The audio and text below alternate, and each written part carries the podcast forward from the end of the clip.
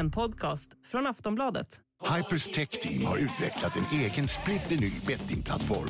Navigeringen 10 poäng, Bettbilden 10 poäng och oddsen är hypade till max. Upplev vår Next Gen Sportsbook. Ladda ner Hyper-appen idag och känn skillnaden. 18 plus, spela ansvarsfullt. Regler och villkor på hyper.com.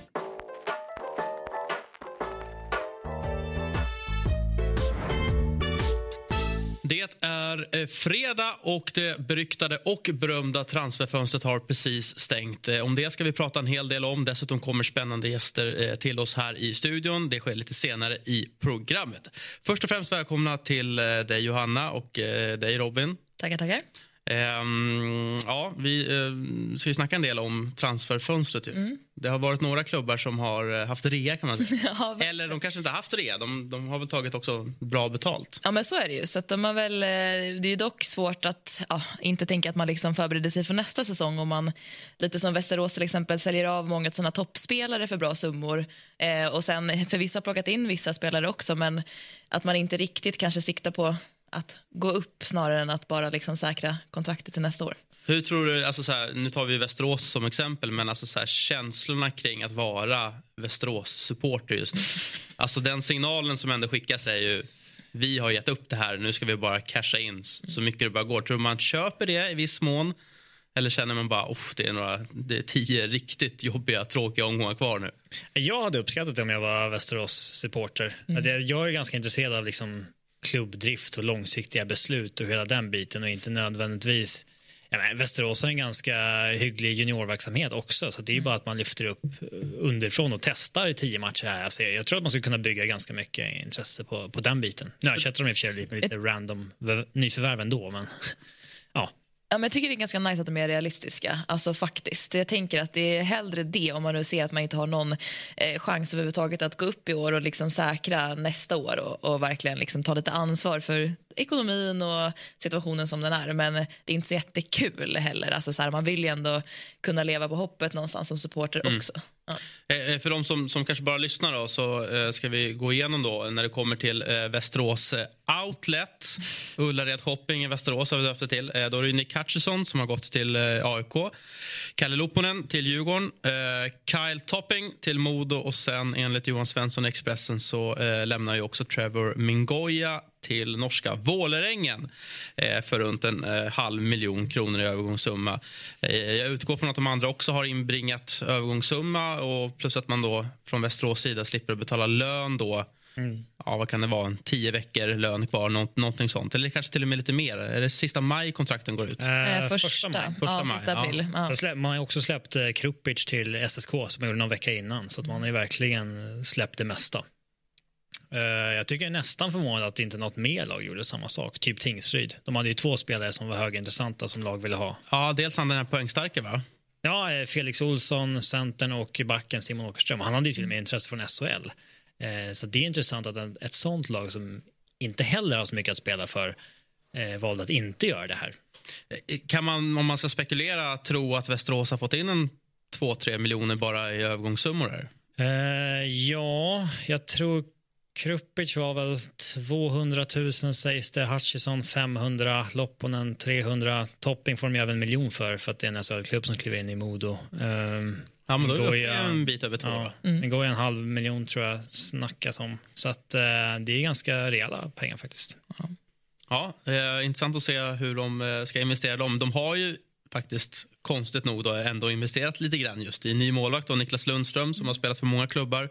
Eh, man har hittat en eh, duo från Finland i eh, Hugo Rikkele och eh, Jasper Lindsten. Så att de har ju ändå valt att ta in några ersättare. Det känns som att det var väldigt bara för att ja, sminka över att man vaskar säsongen på något sätt. Eh, var någon blev, blev lite audition säsongen ut för vissa spelare. Men eh, ja, jag tycker ändå att det är kul att Västerås gjorde det här. Annars hade det inte hänt någonting igår. Nej, Så att, verkligen. eh, De tog Jag- på jag- sig den rollen. Liksom. ja, men jag, jag, jag uppskattar det. Ja. Jag tycker att det är sunt. Kanske man kan tänka sig som Västerås-supporter att man har en liten högre kravbild inför nästa säsong. Att man har vetskapen att nu har ni de här miljonerna, nu ska laget se väldigt bra ut sen till hösten.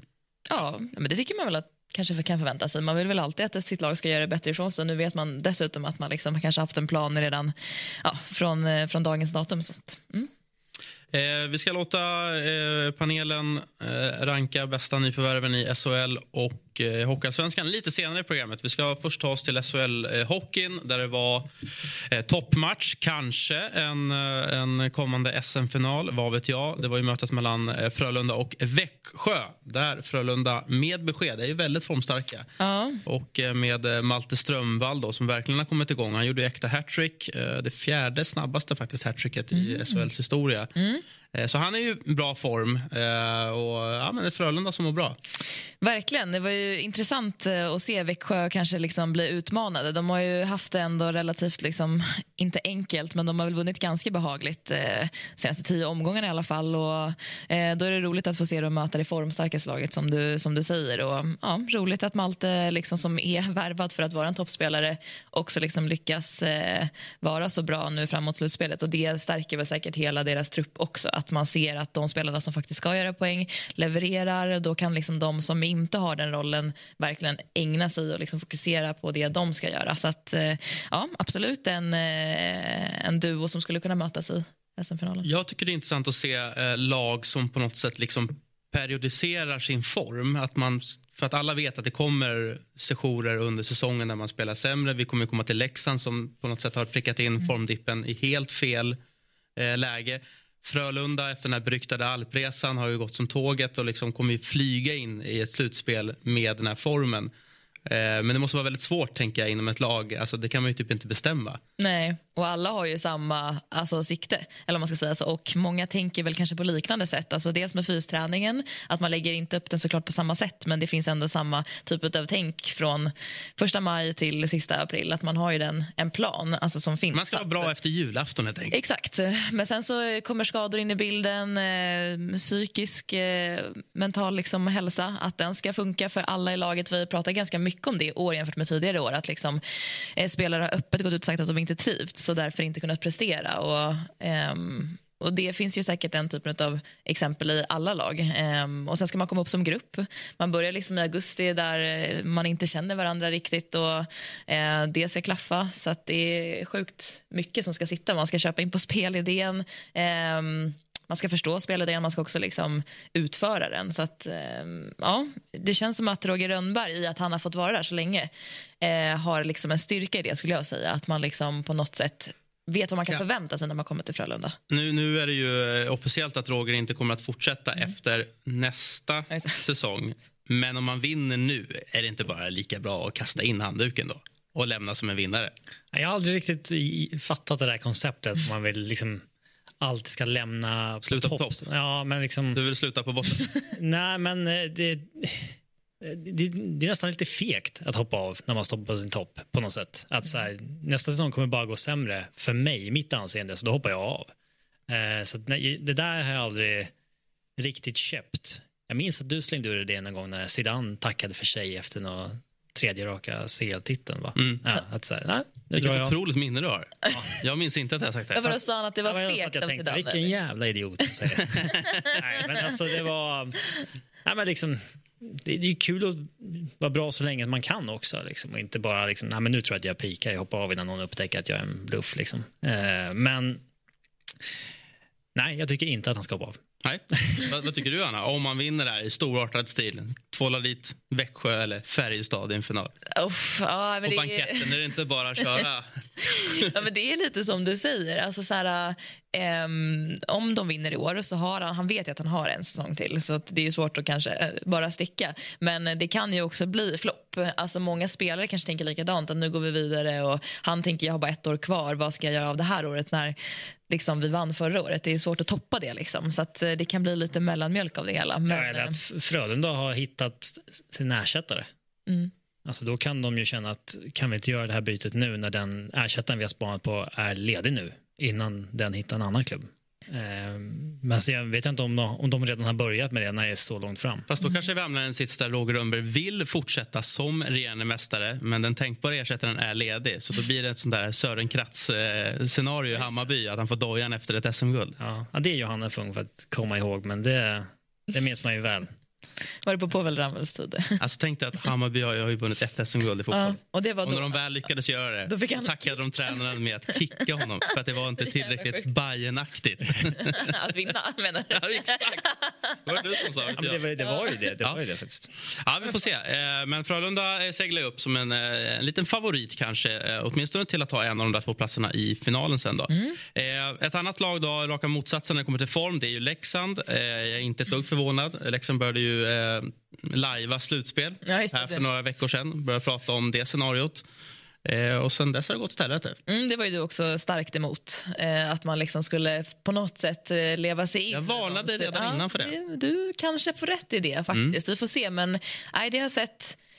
Det kanske inte har sett dåligt ut spelmässigt, men eh, de vinner ju typ skotten i varje match. Så de ligger rätt mycket liksom i anfallszon, men eh, de, eh, de gör ju inga mål heller. Så att det, det är någonting som saknas där, i liksom den sista bestämdheten kanske på något sätt. Att, och de sa väl själva, det var väl Challe Berglund som sa att de var väldigt vill inte bli obekväma och Mm, inte skjuta ner sig. saknar ödmjukheten och att inte ta det skitiga jobbet. Ja, men ibland känns det också som att man säger så, kanske lite i brist på att man vet, antingen vet man exakt vad man har problem med och vill inte säga det utåt, men det är också en lite sådär, det kan man bara slänga sig med lite grann. Eh, tycker jag. Alltså, man måste ju också analysera internt.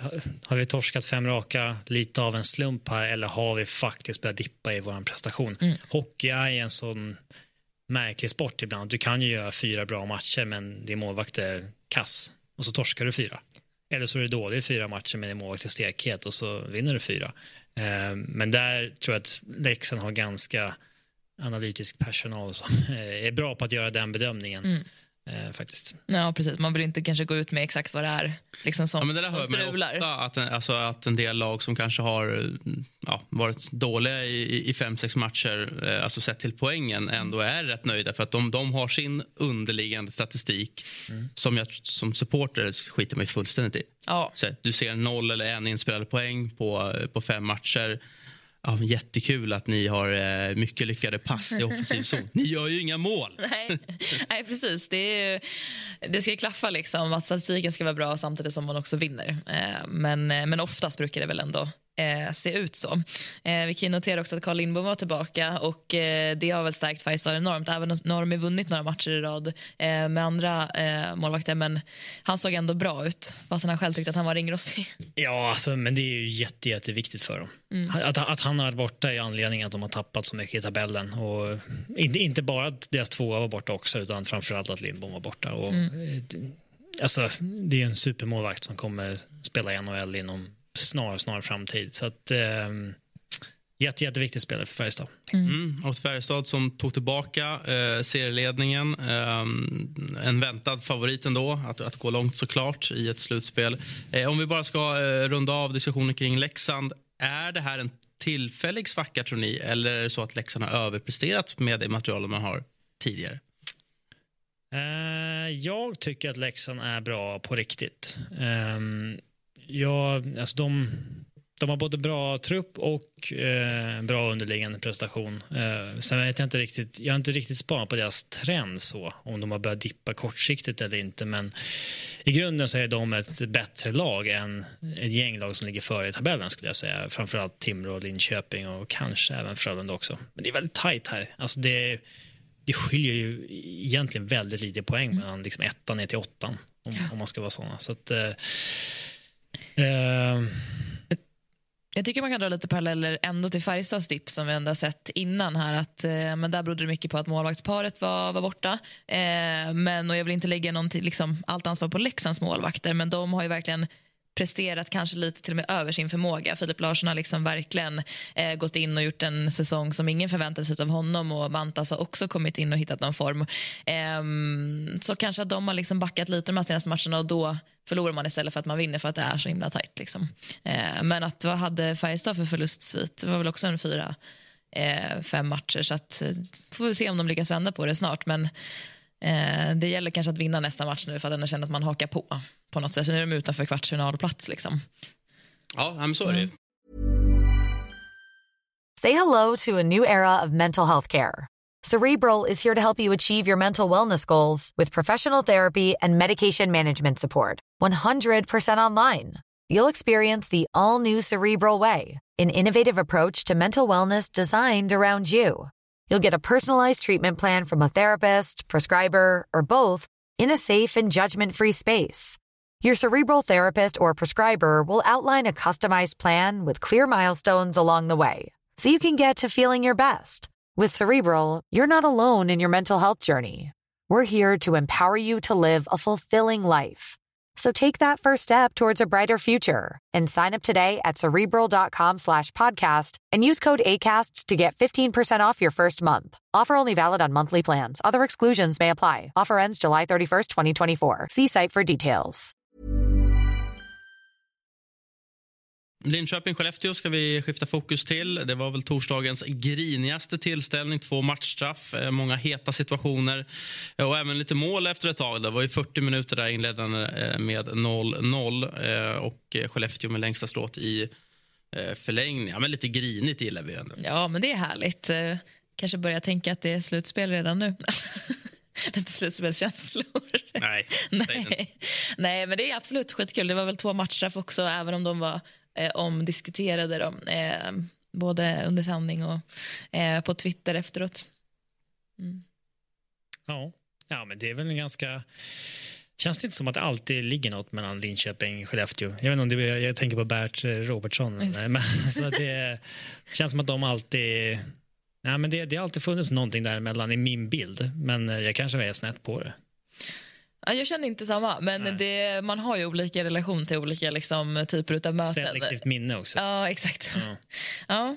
ja. Um, men kul när det, när det blir lite grinigt. Mm. Jag var, såg eh, ett bottenmöte i SDHL eh, där det var samma eh, känsla och det, det är faktiskt de roligaste matcherna att, att se på. Jag håller med. Mm. Det, bottenstriden har någonting. Mm. Eh, även om kanske inte LOC är liksom direkt Nej. involverade. Eh, så eh, ja, väldigt intressant eh, sett till också matchstraffen som skedde som var på Jesper Pettersson i LHC och Petter Granberg. och det var väl också två tränare som var lite förbryllade över domarnas bedömning då under matchens gång, vilket också ingår ja. i den här typen av matcher. Ja, ja men verkligen. Um, nej, men Jesper Pettersson där, det var väl en boarding han åkte för. Och jag trodde i och för sig att det kanske skulle bli liksom checking from behind men um, ja, det, de går ju på regelboken liksom och det såg kanske inte så farligt ut men, men uh, ja, det är svårt att, svårt att argumentera emot när det liksom finns ganska tydliga liksom regeluppbackningar för den typen av förseelser. Ska vi ta oss till bottenstriden då? Ja. Mm. Det var ett par eh, matcher som har det berömda epitetet sexpoängsmatch. En av dessa var ju onekligen Rögle mot Örebro, där Örebro vinner med 3-2. Lekkerimäki är i form. Han gjorde nya mål, två stycken. Mm. Vilka, alltså vilka avslut han bjuder på. Ändå. Nej, hans skott är helt otroligt. Alltså, man aldrig gör några vanliga mål. Nej. Det är alltid så här otroliga avslut. Ja. Eh. En väldigt NHL-kompatibel spetsegenskap. Ja, verkligen. Alltså,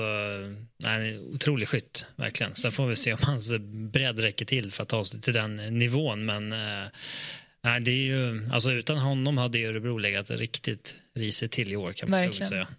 Ja, men det är svårare. Alltså, ju mer känd man blir liksom i ligan för att vara bra på en sak, desto mer kommer man bli markerad. Och då är det ju så himla snyggt eh, och liksom ett styrkebesked att verkligen kunna fortsätta göra mål på det sättet. För att alla kommer ju markera honom med powerplay till exempel. Eh, eller försöka täcka hans skott eller så kanske inte för att de är alldeles så hårda. Men han är, ja, han är liksom klinisk eh, i den positionen faktiskt. Och Rögle med nio matcher i följd utan att göra mer än två mål i en enda enskild match. Mm. Anmärkningsvärt kan jag också tycka med tanke på alltså, den trupp som Rögle eh, ja. sitter på. Det finns några offensiva stjärnor, men att de inte får till det över så många matcher ändå.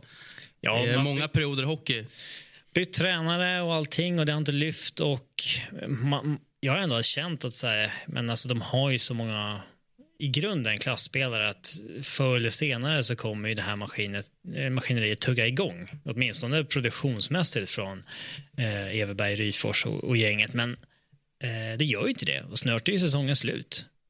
Så att mm. tiden börjar rinna ut för Rögle. Sen tror jag inte riktigt de, alltså de kommer inte få kvala ner, men eh, oj vilken tråkig säsong. Verkligen. Ja, jag skulle vilja se tabellen igen. Ehm, för jag behöver också, alltså det här med sexpoängsmatch. Ja, exakt. De var på samma poäng innan ju är inte en sexpoängsmatch när man är tre poäng före. Alltså när det är tre poäng som skiljer mellan. Nej, nej. Då är det antingen att man är sex poäng Ja, före jo. eller så är det att man tar Jag in sex förstår precis vad du säger och det du säger låter väldigt logiskt. Men jag skulle säga att en sexpoängsmatch bara är lite viktigare än en, en vanlig match.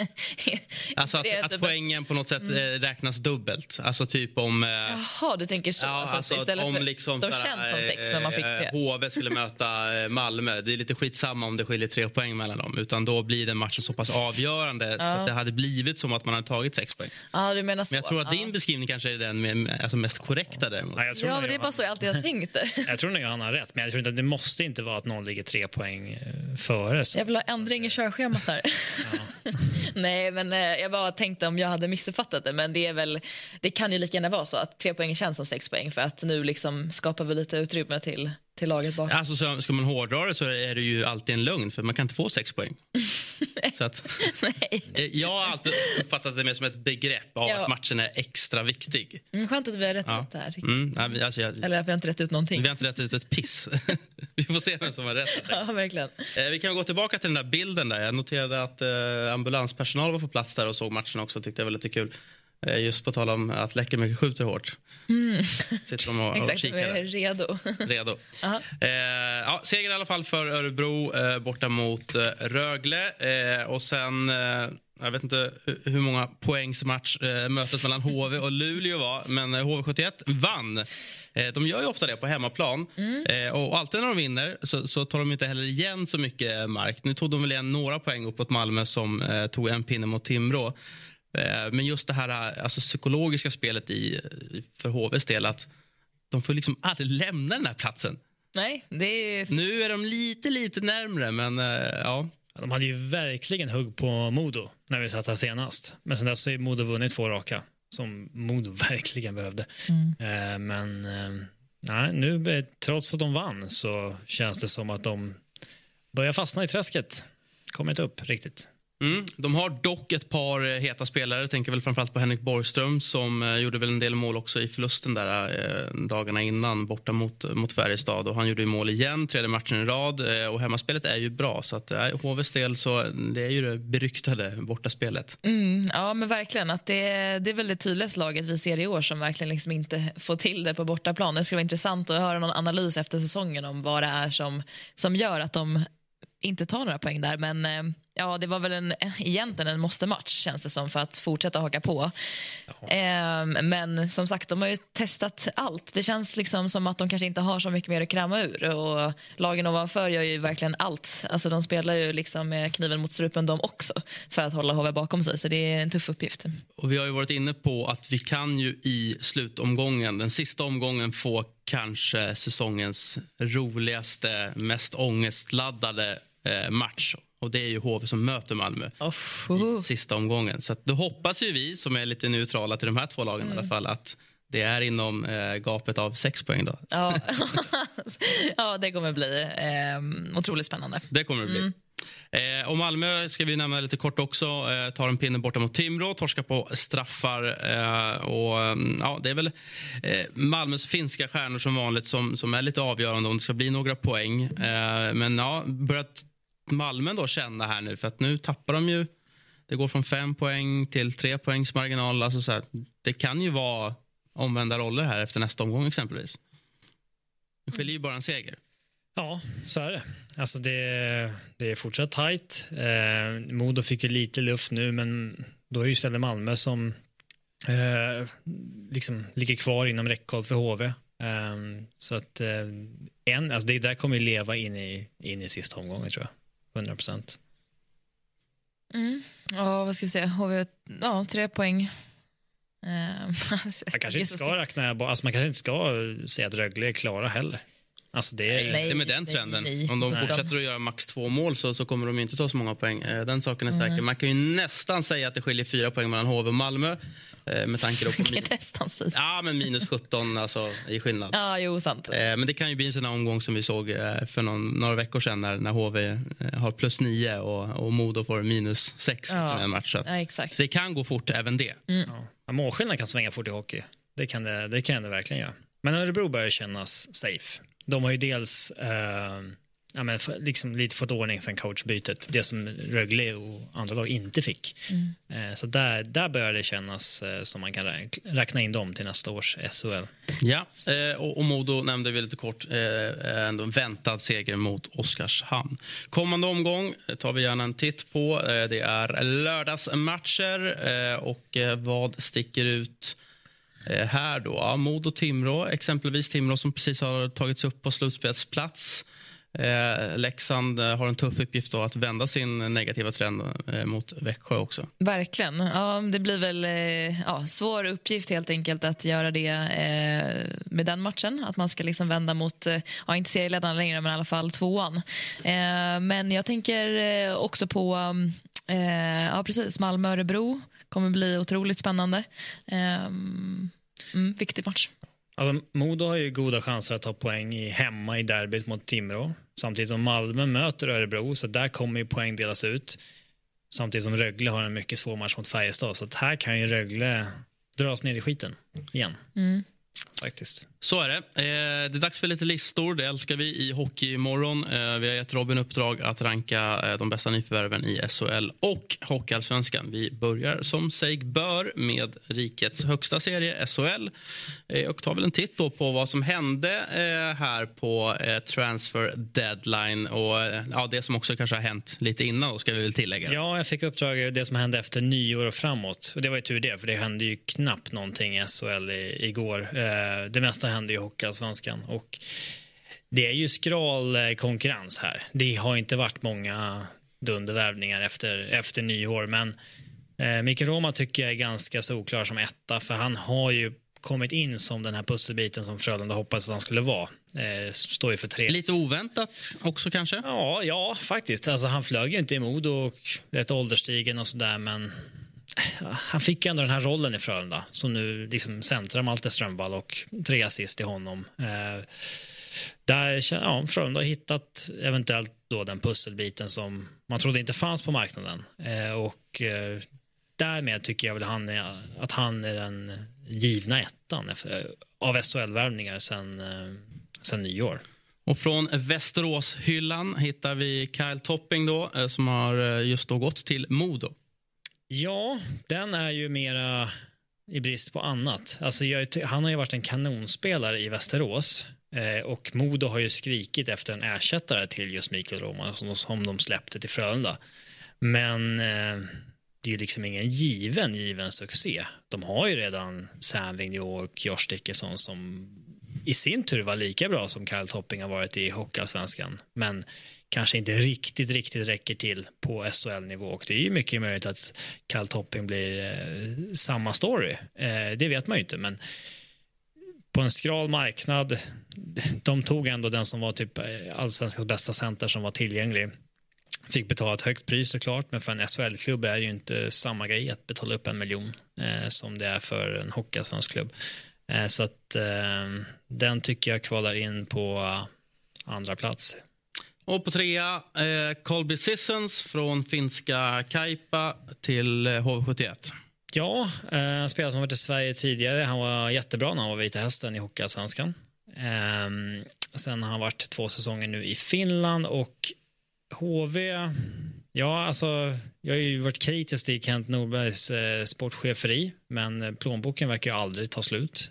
är... Nej, jag läste någonstans att det var uppemot 70 miljoner de hade investerat ja. i, i truppen, så det var liksom en mille per poäng ungefär. ja, alltså det, och då, eh, det var ju många lag som ville ha Fredrik Forsberg av dem som har varit eh, tokpetad, men han har man ju valt att inte släppa för att man vill inte släppa en eventuell konkurrent eller dylikt eller till Finland. Så, här, så att, Eh, de verkar inte ha något problem att äta mycket lönekostnader i, i Jönköping, men Colby Sissons eh, det är en back som kan äta ganska många minuter. De har behövt förlita sig ganska hårt på Bobby, Nornell, Bobby Nardella och Anton Strålman och har inte riktigt de där stabila pjäserna bakom dem på backsidan. Och där tror jag väl ändå att Colby Sisson kan eh, alltså, hantera 18-19 minuter per match och vara en stabil pjäs för dem. Men eh, Ja, det, det skedde ju inte många värvningar, så att, men de här tre tycker jag väl ändå klassas som bra. Har du någonting att sätta emot där, Johanna? Eller? Tycker det är en klockren lista. Alltså, Ja. Jag var nära på att sätta in Adam Brodecki som har gått till Luleå. Liksom. Och det säger väl mycket om att det inte var så Ah, gjort en del poäng. Ja, jag tycker han har gjort det. Ja, visst, men det ska ju inte vara liksom en toppvärvning. Så är. Han fyller ju en plats. Liksom. Ja, det är svårt också, liksom, eh, man vet ju mer om hur det har gått för dem alltså i sina respektive klubbar. Samma med Mikael Roma, där vet vi för alltså, att det var en bra värvning. De andra två återstår ju att se. Eh, och samma sak med Brodecki. Men, eh, Ja, alltså, Kyle Toppen kanske inte alls räcker till i SHL. Nej. Det vet vi inte. Men eh, det är svårt att göra det så mycket bättre än vad han har gjort i Västerås. Så. Mm. Fördelen här är ju att Roma har ju spelat en del så att han är ju lättare att, att utvärdera då som Ja. IFR ska väl ändå lägga till. A lot can happen in three years, like a chatbot may be your new best friend. But what won't change? Needing health insurance. United Healthcare Tri Term Medical Plans, underwritten by Golden Rule Insurance Company, offer flexible, budget friendly coverage that lasts nearly three years in some states. Learn more at uh1.com. Eh, Hockeyallsvenskan nämnde du Robin, har det hänt betydligt mer så den listan kanske blir lite, eh, ja, men lite spetsigare i och med att det finns ett större urval. Eh, och eh, då har vi listan här på, eh, vi kan ta det från tredje plats då. Tredje plats Jakob Ragnarsson som eh, eh, lämnar Almtuna och går till eh, Djurgården. Ja, eh, det har ju varit en av Hockeyallsvenskans bättre backar i flera år. Lite förvånat att Almtuna har fått ha honom i fred så mycket faktiskt. Men ehm, han har alltid velat spela i Djurgården som sin eh, pappa och eh, tycker Djurgården betalar ett ganska rimligt pris. De betalade väl 250 000 i en övergångssumma och sen så skrev man också med ett längre kontrakt med honom på två och ett halvt år. Så det är ju inte bara en spelare man tog säsongen ut utan det är ju en långsiktig värvning på det sättet. Och, eh, Jakob Ragnarsson eh, Ah, det är, en, det är en gedigen defensiv back i första hand eh, som jag tror Djurgården eh, kommer ha väldigt stor nytta av. Eh, han kommer ju som lite ersättare för Pontus Johansson som man ville behålla från Frölunda men det är en helt annan spelartyp. Eh, men på den här marknaden så eh, tror jag nog att han var den bästa backvärvningen som gjordes i Hockeyallsvenskan i alla fall. Mm, och Almtuna också lite som Västerås har släppt iväg då ett par nyckelspelare och även då i Hampus Halestam som går till SSK. Ja, eh, han har inlett ganska svagt i Södertälje ska sägas, men eh, det där är ju en spelare som eh, sportchef Georgsson i Södertälje har velat ha under lång tid. Eh, försökte värva loss honom förra året om jag vill minnas rätt, men då ville inte riktigt Almtuna släppa. Eh, nu hade man ju signat honom här kring jul till ett kontrakt redan, alltså att han skulle gå till SSK i, i, till nästa säsong. Så då var man väl lite i förarsätet vad gäller att eh, få honom här vid, vid deadline. Um, men det är ju en eh, gedigen tvåvägscenter som har en historik av att göra ganska mycket poäng också. Eh, bra allround-spelare. Eh, känns ju lite bättre att ta en värvning alltså inom Hockeyallsvenskan som har producerat bra. Du vet ju mer vad du får. Det var en del sportchefer som var ute och snackade om att man vill inte flyga in någon nordamerikan så här i februari som du inte riktigt har provat på större rink och så vidare. Och så att jag, den här, den här värvningen håller jag högt. Mm, och högst håller du eh, AIKs värvning då av eh, Nick Hutchison eh, som lämnar eh, ja, Västerås, en av många som lämnar Vik. Eh, varför håller du honom etta på den här listan? Ja, alltså... Dels av två anledningar, alltså, eller flera anledningar. Det sägs att både Djurgården och AIK vill ha Hutchison. Och då blir det ju, om man kan säga att det är en sexpoängsmatch så blir det en sexpoängsvärvning då, att den inte hamnar hos en konkurrent om att gå upp. Ehm, och AIK har ju bra spetsspelare men har ju inte riktigt haft det där djupet. Så här får man in en till topp 6-center, kanske inte första center men ändå en topp 6-center. Eh, sen ska man väl tillägga att Hutchison har ju inte spelat sen i eh, december. Han har haft en knäskada som eh, håller på att läka och ska, han ska vara spelklar snart. Men många undrar ju här varför han väljer AIK före Djurgården för att båda klubbarna drev ju en supporterinsamling. Vilka där- undrar det? ja, men, Ja, Djurgården undrar det. ja, men det, generella uppfattningen var att Djurgården hade mer pengar att röra sig med här. Eh, men Generella uppfattningen är att AIK ligger före i tabellen. gör att det. En poäng? Nej, samma poäng tror jag. Men... Eh, Matchduell också. eh, Ja, just det, ja. ja, samma poäng just nu. Lite bättre Eh, men han, han får ju nog en större roll i AIK. Ja. Alltså han, han spelar bakom Kryger, John Norman i, i Djurgården. kanske hade blivit så. Liksom. Eller bakom Ludvig Renspelt också till och med. Så att, eh, att gå in som eventuellt första, han kanske får spela med Gynge, boosta sitt värde inför nästa säsong. Eh, men där, eh, han, han kostade ju också bara 500 000 sägs det, medan toppen gick för en miljon till Modo. Så att, eh, ja, ja, men han tycker att AIK tar den spelaren som kanske kommer ha störst impact på slutspelet. Bra, tack för listan. Eh, vi ska gå på ett kort break, sen är vi tillbaka med en gäst.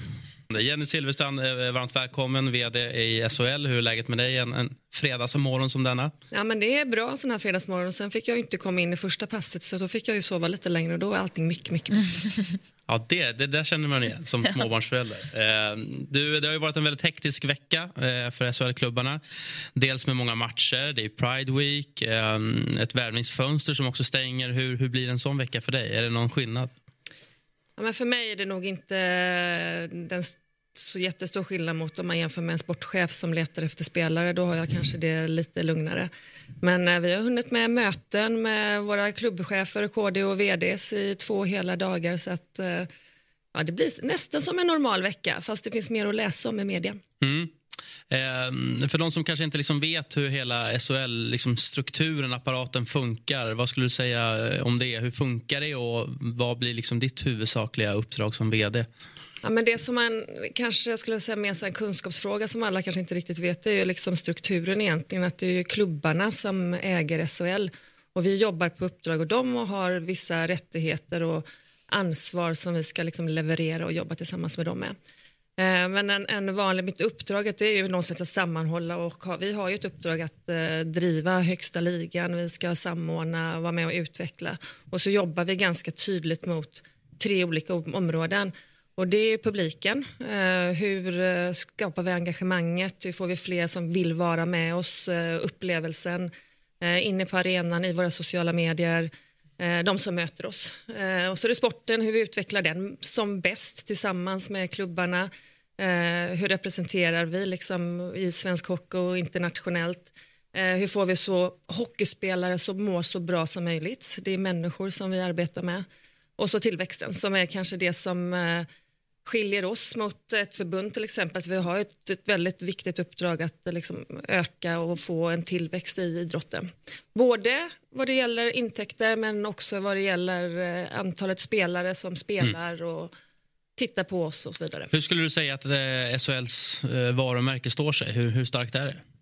Det ska ju de som eh, tittar på oss egentligen bedöma men jag tycker att eh, om man tittar på hur vi utvecklats de här senaste åren, vi har varit lite nervösa efter pandemin, vi har varit lite nervösa eh, konjunkturen, vad kommer det innebära? Men vi ser både vad det gäller antal spelare, framförallt flickor i yngre åldern, eh, men också hur mycket folk vi har på våra läktare. hur mycket så folk som tittar på följer oss i media eh, så märker vi att det finns ett jättestort eh, engagemang kring oss just nu. Mm. Väldigt kul. Mm. Eh, hur är det? Vi har pratat lite med sportchefer eh, om det. Att liksom vara i en, en värld som är väldigt liksom, eh, orienterad för att prestera i nuet men samtidigt jobba, du jobbar kanske lite mer långsiktigt. Är det svårt att liksom, på något sätt eh, skifta mellan det även om din roll kanske inte är så mycket liksom, ja, sportslig prestation i nuet? Jag skulle säga det är ett av våra viktigaste uppdrag. Det är ju att kunna titta långt fram. Att vi eh, vad säger, alltså inte bara titta på säsongen som är innevarande utan faktiskt titta ett, två, tre, fyra, fem, sex, sju år framåt. Vad tror vi, vad ska kommer att hända?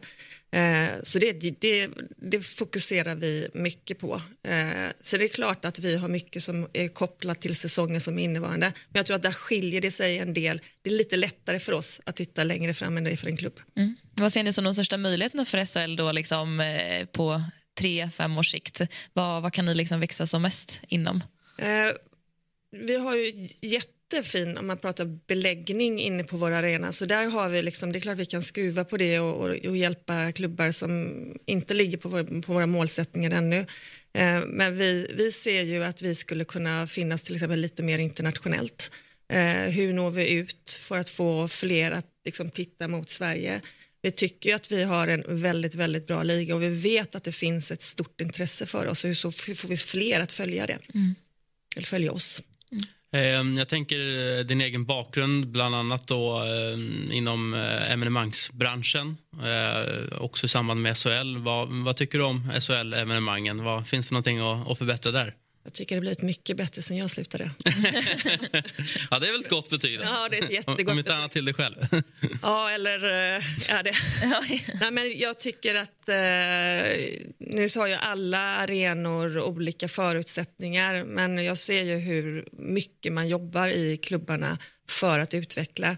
Eh, och vi sitter och, och är med i den processen. att Vad kan vi göra så att du får samma upplevelse när du är på arenan som när du tittar på tv till exempel.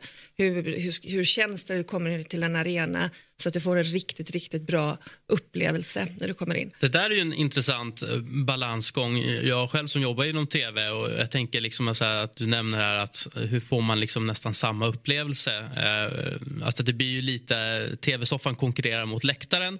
Samtidigt är ju SHL väldigt beroende av tv-pengarna också, alltså att det blir den balansgången. Nej, men jag tycker inte att den är så svår egentligen. Alltså, en, en framgång för oss det är ju när det är fullt på läktarna och fullt framför tvn. Och jag tror att ju fler som får möjlighet att se oss eh, i en jättebra produktion som jag tycker att vi har och kan känna, ska ju vilja känna hur är det att vara på plats. Så att eh, vi, vi är ju beroende av varandra skulle jag säga. Men mycket folk framför tvn, mycket folk på läktaren, så då, då når vi fram. Det märktes ju verkligen tydligt under pandemin när man inte hade någon eh, publik eh, då på, på SHL-matcherna och Hockeyallsvenskan att eh, tv-produkten blev så mycket sämre. Alltså så här, att spelet också upplevdes sämre tyckte jag. Att liksom stämningen bidrar till att ett spelet känns bra och det har vi diskuterat mycket kring liksom damhockeyns utmaning också. Att eh, I och med att man inte drar jättemycket publik så blir hela produkten tyvärr liksom, den upplevs sämre fastän det kanske nödvändigtvis inte är så. Så att det är självklart jätteviktigt liksom, från bådas perspektiv. Och det är det. Och man märkte de spelare och domare kände ju verkligen av det här att det var inga människor på läktarna. Och då, då, det, blir, det, det, det bidrar väldigt, väldigt bra. Ja, till och med domarna saknade häcklet. Ja. då, då vet man att det är illa. Eh, du har ju också en bakgrund som vd i Djurgården. Eh, 11 år sedan du tillträdde den eh, posten. Eh, hur skulle du beskriva den resan eh, och fram till den gärning du gör idag? Ja, men det var ju otroligt spännande tid i uh, Djurgården. Eh, jag tillträdde ju under, eh, när vi spelade, eller Djurgården spelade i Hockeyallsvenskan, så att det var ju en väldigt spännande resa att vara med på. Det är klart att det var mycket timmar under Hockeyallsvenska tiden för att liksom lyckas, men det var ju häftigt att jobba i en organisation som hade ett så stort gemensamt mål tillsammans med hela det här engagemanget runt omkring, så det var, det var ju väldigt kul. Ja, vi ser att AIK och Djurgården, eh, två Stockholmsklubbar, och Södertälje eh, ligger väldigt bra till i Hockeyallsvenskan. Eh, Men hur viktigt är det för liksom, Stockholmsregionen att eh, ha ett lag i Ja, eller för SHL kanske också. Ja, och för SHL. Ja, absolut. Men om man, om man tittar på antalet spelare som utbildar sig och utvecklas så är det ju otroligt mycket spelare som kommer från Stockholmsområdet. Så att det är ju jättesynd att inte liksom man kan se det också just nu i den eh, högsta ligan. Eh, och vi har ju eh, det, det, det är klart att det underlättar för oss om vi har ett lag som är i Stockholm och som finns med i högsta ligan och det känns som att det är ganska självklart att det ska vara så. Eh, Men sen har vi klarat oss och vi ser på engagemanget att det, det drar ju väldigt mycket folk och vi i svenska modellen, man måste spela sig upp i eh, till högsta ligan. Mm. Jag tänkte först vara så fräck och avkräver ett svar på vilket lag som skulle bli ersatt av ett Stockholmslag. Men jag, jag, jag, låter, jag låter det komma Du undan. hör vad jag säger. Jag hör vad du det är sportsliga meriter som avgör. Ja, men däremot, du nämnde ju pandemiåren och det var ju tufft för liksom inte bara hockeyn, det var ju tufft för hela samhället. Men man måste ändå säga att ni har ju verkligen lyckats att få tillbaka publiken. Mitt intryck är ju att SHL har nog aldrig varit hetare än vad det är nu. Och det är utan några stora drakar nere i Hockeyallsvenskan. Ja, ja, och det, vi, vi känner ju som jag inledde, vi känner ju eh, engagemanget. Vi känner ju hur mycket folk det är som vill följa med oss. Så att vi är ju, man får ju vara tacksam. Men sen är det ju ett arbete som påbörjades långt innan jag tillträdde på SHL som har någonstans har gett vad vi är idag. Det tar ju lång tid att eh, ändra kurvor. Du säger att ni, ni växer. Hur eh, mäter ni det? Är det endast publiksiffror eller är det ja, tv-siffror också antar jag? Men liksom, Det- vad, vad är en rimlig grad? Det är tv-siffror, det är eh, hur, vi läser, hur vi läses i media, hur mycket man följer oss på sociala medier, självklart publiken på läktaren. Eh, vi ser det i kronor och ören. Eh, vi eh, mäter, mäter vårt varumärke, kännedom, eh, vad man tycker när man kommer in i, i, i våra arenor. Så att vi, vi mäter på flera olika sätt. och ett bevis på det är väl att globala varumärken som Oakley, Amazon har valt att synas med SHL. Det måste väl ändå vara ett rätt gott kvitto på att någonting bra gör SHL? Ja men absolut och, och också framförallt när det är varumärken som inte gått in i den här typen av engagemang som de gör med oss, inte i Sverige och kanske inte heller på samma sätt ute i Europa, att vi är en liga som, en liga som är första gången för eh, de här stora varumärken och det är spännande. Eh, du berättade i en intervju för tre år sedan att du tycker att SHL ska vara starkare avsändare när det kommer till jämställdhet, miljöfrågor, eh, hållbarhet, hälsa och rörelse med mera. Hur känner du kring det arbetet och hur långt har ni kommit där? Ja, men vi har kommit eh, en ganska lång bit tycker jag. Vi kommer definiera ganska mycket kring det arbetet, eller väldigt mycket nu under eh, våren. Och jag tycker att vi är ju, jag brukar säga, vi, vi är så många som är engagerade i våran eh, idrott, alltså inte minst alltså utövare, det är föräldrar, det är barn, det är många supportrar, så att vi har ju möjlighet att påverka och säga vad vi står för och då ska vi använda den plattformen. Ja, alltså jag kan tycka så att det, det är väldigt breda begrepp. Mm. Uh, hur jobbar man liksom konkret med hållbarhet? Uh, jämställdhet, ja, vad, men, vad, innebär det? Ja, men det innebär först och sen får man, vi kan, måste ju börja titta på oss själva eh, när vi pratar om hållbarhet. Vad är det vi står för? Vad är det vi gör för någonting? Det är det vi kan. Eh, det är där vi är experter. Eh, och där börjar vi eh, och tittar och sen så har vi tillsammans med klubbarna sagt vilka områden ska vi jobba inom. Eh, och när vi har jobbat, nu håller vi på att definiera vad är det vi, ett, mäta vilka områden ska vi mäta så att vi ser att vi gör en utveckling. Och där är vi idag, vi sitter med våra områden, nu håller vi på att titta vad är det vi faktiskt ska mäta och titta på när vi börjar med våra egna verksamheter och därefter se vad ska vi göra inom områdena. Mm. Hur viktigt är det med partnerskap då som till exempel det ni har med SDHL om man kollar inte bara kanske på jämställdhetsfrågan men även då om vi ska prata om SHL Pride Week lite senare. Eh, vad betyder det för er och hur jobbar ni med, med partnerskap av den anledningen? Men eh, STH är ju jätteviktigt och inte bara för oss utan för att liksom sätta damhockey eller hockey för dam, eller ja, ni förstår vad jag menar, mm. eh, på kartan så är de vrålviktiga och vi sitter ju tillsammans, eh, vi försöker samarbeta så mycket som det bara går eh, och vi har ju tillsammans nått framgång i vissa samarbeten. Eh, och det är inte bara de kommersiella samarbeten utan vad är det mer, erfarenhetsutbyten. Mm.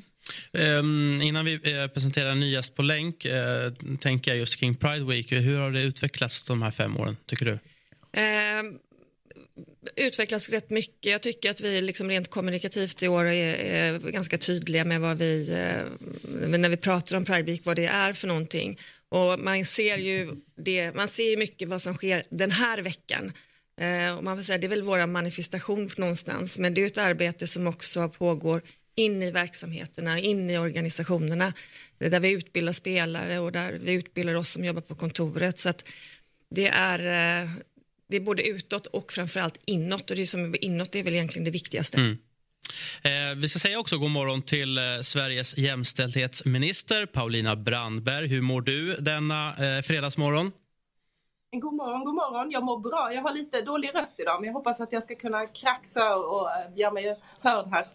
Det, det, är helt okej. Okay. Jag, jag, som är kommentator känner igen det där. Det, det, det tar hårt ibland på rösten. Eh, vi vet att du har förflutet inom handbollen nu, fortfarande aktiv som ledare. Vad har du för relation till ishockeyn då? Eh, den har varit ganska, ganska så eh, begränsad kan jag säga fram tills, fram tills jag tillträdde som minister. Kan jag säga. Jag var i höstas och besökte eh, Färjestad och lyssnade på, pratade med dem helt enkelt om jämställdhet och inkludering och hbtqi-frågor.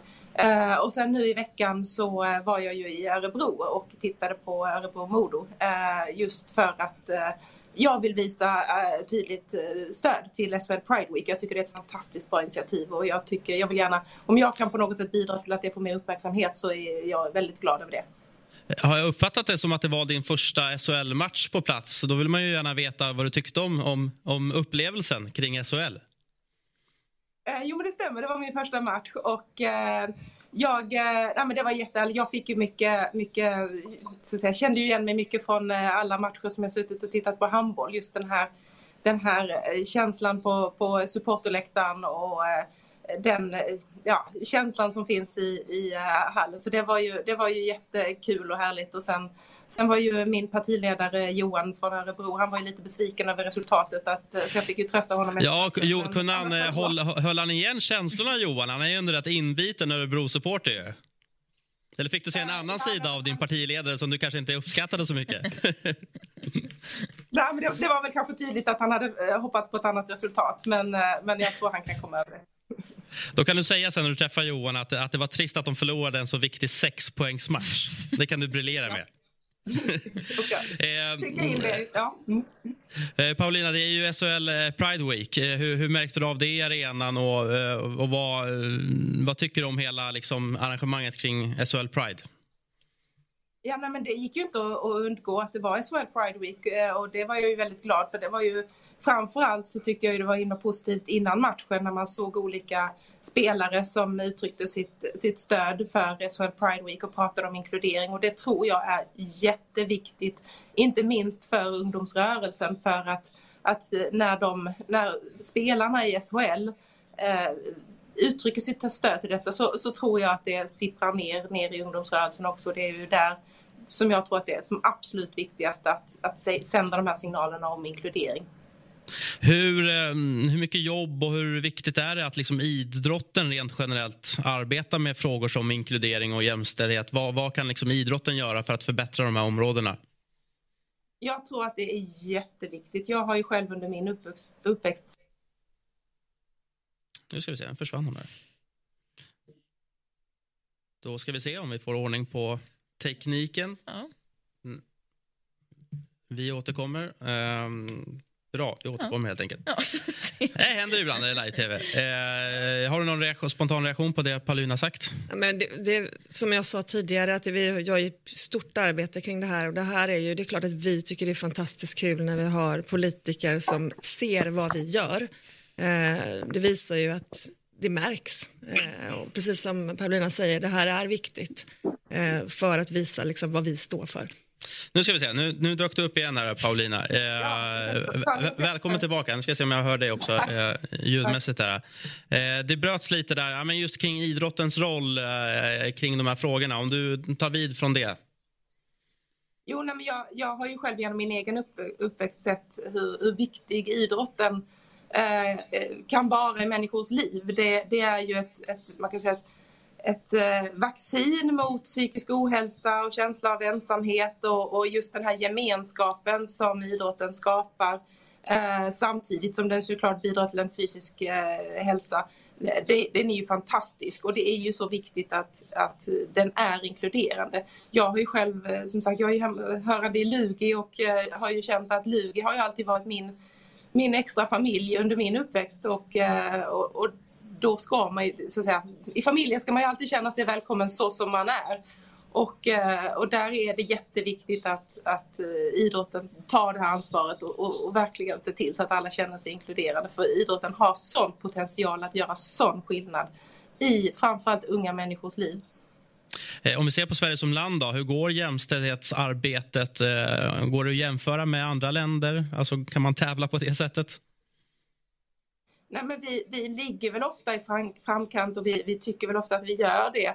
Vi jobbar ju, det visar ju inte minst eh, SHL Pride Week och också när jag besökte Färjestad så ser jag att, att man jobbar ju väldigt aktivt med, med jämställdhetsfrågor men, men det är ju helt klart så att vi, vi har en, en eh, väg kvar att jobba för att det ska bli riktigt. För att vi ska nå fram, vi kan inte luta oss tillbaka och tycka att vi är någon champions utan vi måste ju jobba framåt och Eh, inom hockeyn kan man ju verkligen säga att det finns ju eh, det är klart vi måste fråga oss varför det fortfarande inte finns någon manlig hockeyspelare som eh, har kommit ut som öppet homosexuell. Eh, och varför vi fortfarande... Eh, jag kan tycka, jag kan faktiskt tycka att det är lite märkligt att vi fortfarande har SHL som så att säga, Swedish Hockey League och sen har vi SDHL som särskild damliga. Um, ja, jag, jag hade tyckt det hade varit bättre möjligtvis att ha en ehm, att visa på att idrotten, så att säga, klubb, ja, ligan, att det är en och samma, eh, att man inte skiljer på det helt enkelt. Eh, finns det några andra frågor? Alltså du, du säger ändå att Sverige ligger i framkant när det kommer till mycket av det här. Men det kanske är mer intressant att veta, finns det områden där Sverige kanske ligger en bit efter och att det är där mycket resurser ska in? Finns det några sådana typ av områden som du har identifierat? Du nämnde ju några av dem nu här. Eh, nej, jag kan inte säga att vi ligger efter jämfört med andra länder, men det är klart att vi har jobb kvar att göra och det är klart att, att om vi tittar på hockeyn specifikt så, så tror jag att många känner att det är ju en, det är ju en sport som upplevs, tror jag, många som ganska, ganska macho, ganska mycket, eh, ja, mycket manlighet så att säga i själva sporten. Och att eh, jag tror att, att det kan uppfattas från vissa håll som att de här machonormerna kan, kan göra att det inte uppfattas som så inkluderande. Och därför så är det ju så jätteviktigt med dels den här typen av initiativ, men precis som sades innan här också, att det, det här är ju inte någonting som man kan göra en vecka om året, utan här krävs det ju ett, ett alltså det stora arbetet, det sker ju nere i klubbarna, eh, det, i det dagliga arbetet med utbildning av spelare och ledare och eh, ute i organisationen. Och, eh, och där är jag väldigt glad att höra att det arbetet pågår. Men det här handlar om normer och värderingar. Det är ju ingenting man kan vända på en eftermiddag. Men, men med ett kontinuerligt arbete så tror jag att man kan komma framåt. Eh, vilket jag känner att vi gör. Eh, stort tack för det, eh, Paulina Brandberg, eh, Sveriges jämställdhetsminister. Tack för att du var med i Hockeymorgon. Hoppas du får uppleva någon mer trevlig SHL-match. Tack så jättemycket. Tack. Eh, det var eh, Paulina Brandberg. Alltså, eh, ja, men vi kan väl reagera på lite av det hon sa. Just det här med, mm, alltså, jag tänkte på dam och herrligan som då är separerat också med, alltså namnmässigt. Mm. Att det skulle kunna vara en idé. Alltså, Alltså jag är lite två... Eller vad tycker du? Ja, men jag är lite tvådelad. Å ena sidan så har vi byggt ett jättestarkt varumärke kring SDHL som är jätteviktigt för SDHL liksom från första början. Det var riksserien och sen blev det svenska damhockeyligan. Å andra sidan kan jag tycka att liksom begreppet i sig, att man skiljer på hockey, alltså det sportsliga liksom begreppet och att damhockey blir någon liksom särart till hockey. Mm. Eh, kanske försvårar liksom uppfattningen om det liksom utifrån, framförallt för de som kanske inte är så kunniga.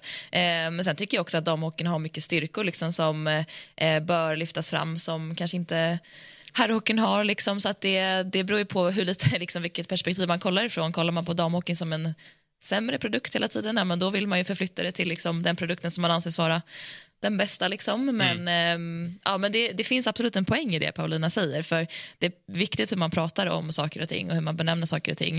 Eh, men det finns, ja, det, det är tvådelat. Men sen tänkte jag på en annan grej också. Liksom att, eh, I SDHL så är det liksom ett faktum att många hockeyspelare är öppet eh, gay. Och eh, där kanske inte samma macho liksom, normer och eh, kultur drivs. och Det tycker jag är intressant för alla är ändå hockeyspelare. Eller liksom... Jag tänkte också just på det att sådär, om en en av de större stjärnorna i, i ligan hade gått ut med sin sexuella läggning att det hade varit värt liksom 52 veckor av Pride Week. Hänger du med lite? Ja, jag hänger med. Och det här det blir ju en privat fråga i slutändan. Jag har ju så svårt att se att eh, vi skulle skilja oss mot samhället i övrigt, att vi inte skulle ha olika sexuella läggningar i våra verksamheter. Men det är också det här att vara först. Mm. Uh, att man, den, den, personen som är först ut och säger så att men jag är homosexuell eller det, det kan ju vara det som avskräcker eh, också. Absolut. Ja, men helt klart. Det är, liksom, men det är en privat, så det, det är, svårt att säga i vad ja, som är vad. Exakt. Och sen tror jag inte att det finns någon så här SDHL som liksom, eh, aktivt leder den rörelsen utåt. Men man vet bara att eh, det är mer liksom, accepterat och man pratar kanske om det mer öppet än, eh, än i herrhockeyn. Och man bara önskar att det kanske kan det är väl det det här initiativet syftar till också, att man önskar att den förflyttningen kanske kommer göras så att alla får möjlighet att, att vara den man är för att statistiskt sett så så ser det nog ut på samma sätt i liksom herrhockeyn som det gör i övriga samhället. Har ni alla mer på, eh, alltså på det här Pride-temat? Eh, alltså NHL är väl ett exempel där de förbjöd ju ett tag regnbågsfärger. Sen ska vi säga att det var vissa spelare som då gick emot det och ändå visade upp det. Eh, har ni alla med på tåget här i SHL? Jag upplever att vi har alla med på tåget. Det var vid något tillfälle har jag fått ett samtal från en, en klubb som sa att vi har en spelare som tycker att det här är jobbigt.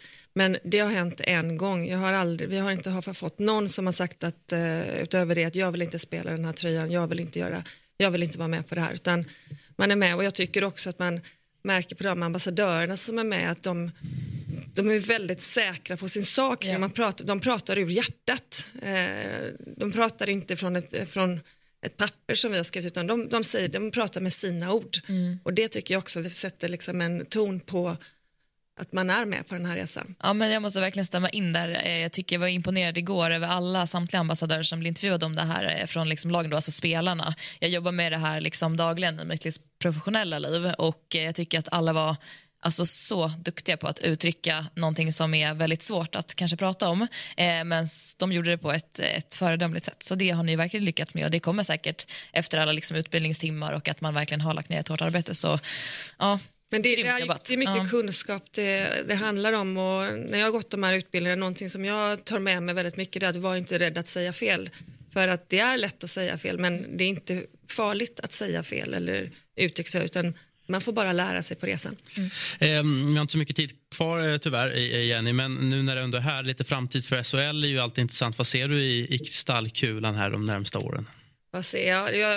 Har ju sagt det tre år nu att i år är den jämnaste serien eh, någonsin och det är klart att det skapar ju väldigt, väldigt bra hockey så att jag hoppas väl att jag ska få säga det varje år att nu är det den jämnaste serien någonsin. Uh, nu slår vi publikrekord. Det känns som att vi har liksom upprepat oss liksom, när vi säger att oj vad mycket människor det är på våra, på våra arenor. Det ser ut som att vi ska kunna få säga det en gång till. Eh, tror du det finns underlag för ligan att på sikt växa med, med, med fler klubbar? Det är ju den här ständiga debatten i, i svensk hockey. Ja, men den, den, frågan får jag nog ett par gånger per år ungefär. Ska, ni, ska det bli fler lag i SHL? Jag tycker den frågan är jättesvår för att man kan ju stirra sig blind på vad, vad, vad klarar SHL av för någonting men det är inte bara en fråga för oss utan vi har ett helt system Eh, i hockey med flera olika ligor med utvecklingstrappor och vad, vad, vad är bäst för svensk hockey i stort måste man titta på och det är ett ganska stort jobb och det jobbet är inte gjort.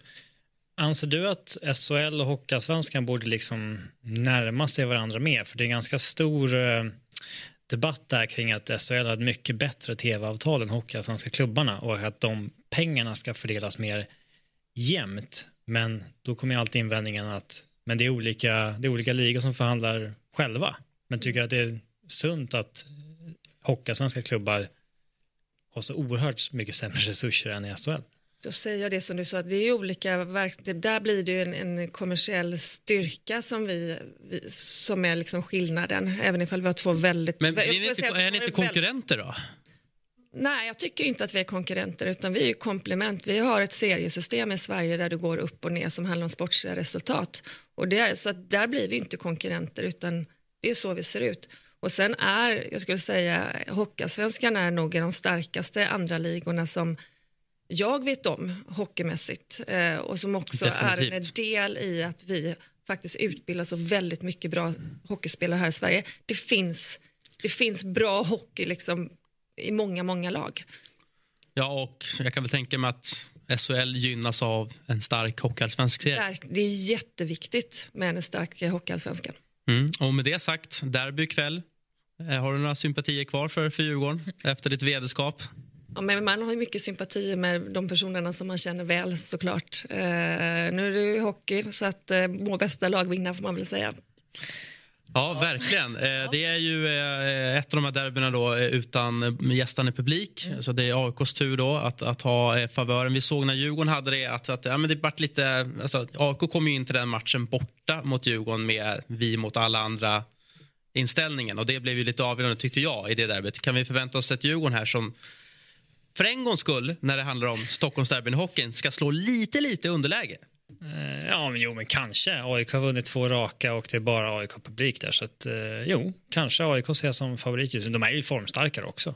Så att eh, så, så kanske det är. Men, men den här derbykänslan saknas ju lite när det inte är... Det är samma som inför förra, som inför den här. Jag har inte gått och tänkt på att det är derby förrän idag egentligen. Det är ju väldigt speciellt när man kommer in de här när det är ja. bara ett lag. Det skedde ju i kvalserien 2014 då mm. när du var vd för Djurgården. Då, då var det något enormt. Alltså, då var det inte alls avslaget som det var senast. Nej, de matcherna var otroliga. Mm. Ja, det är, den, det är den största ljudvolymen jag upplevt på Hovet någon gång när det bara var Djurgårdare i den matchen. Eh, och så var det inte senast. Det var mer avslaget när det är grundseriematch.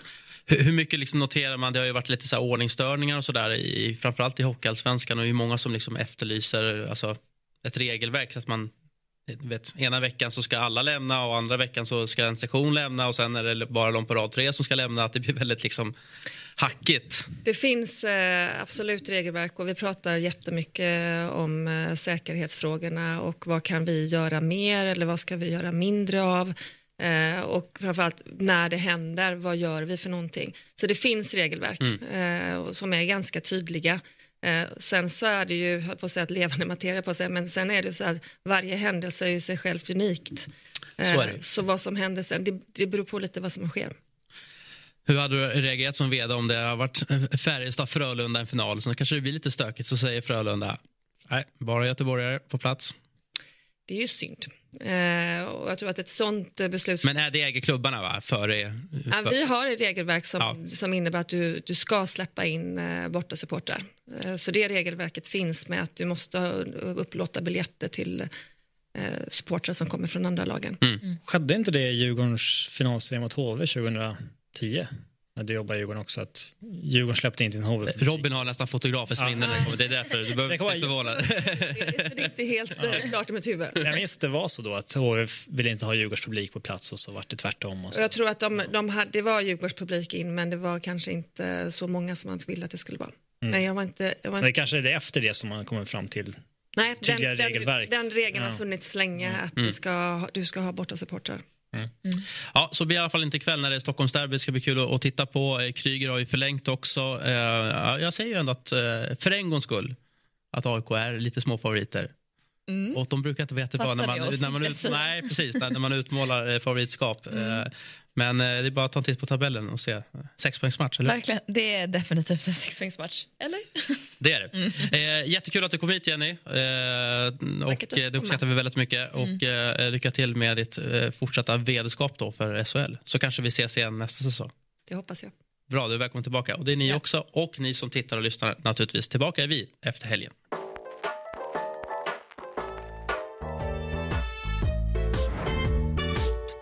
Du har lyssnat på en podcast från Aftonbladet. Ansvarig utgivare är Lena K Samuelsson.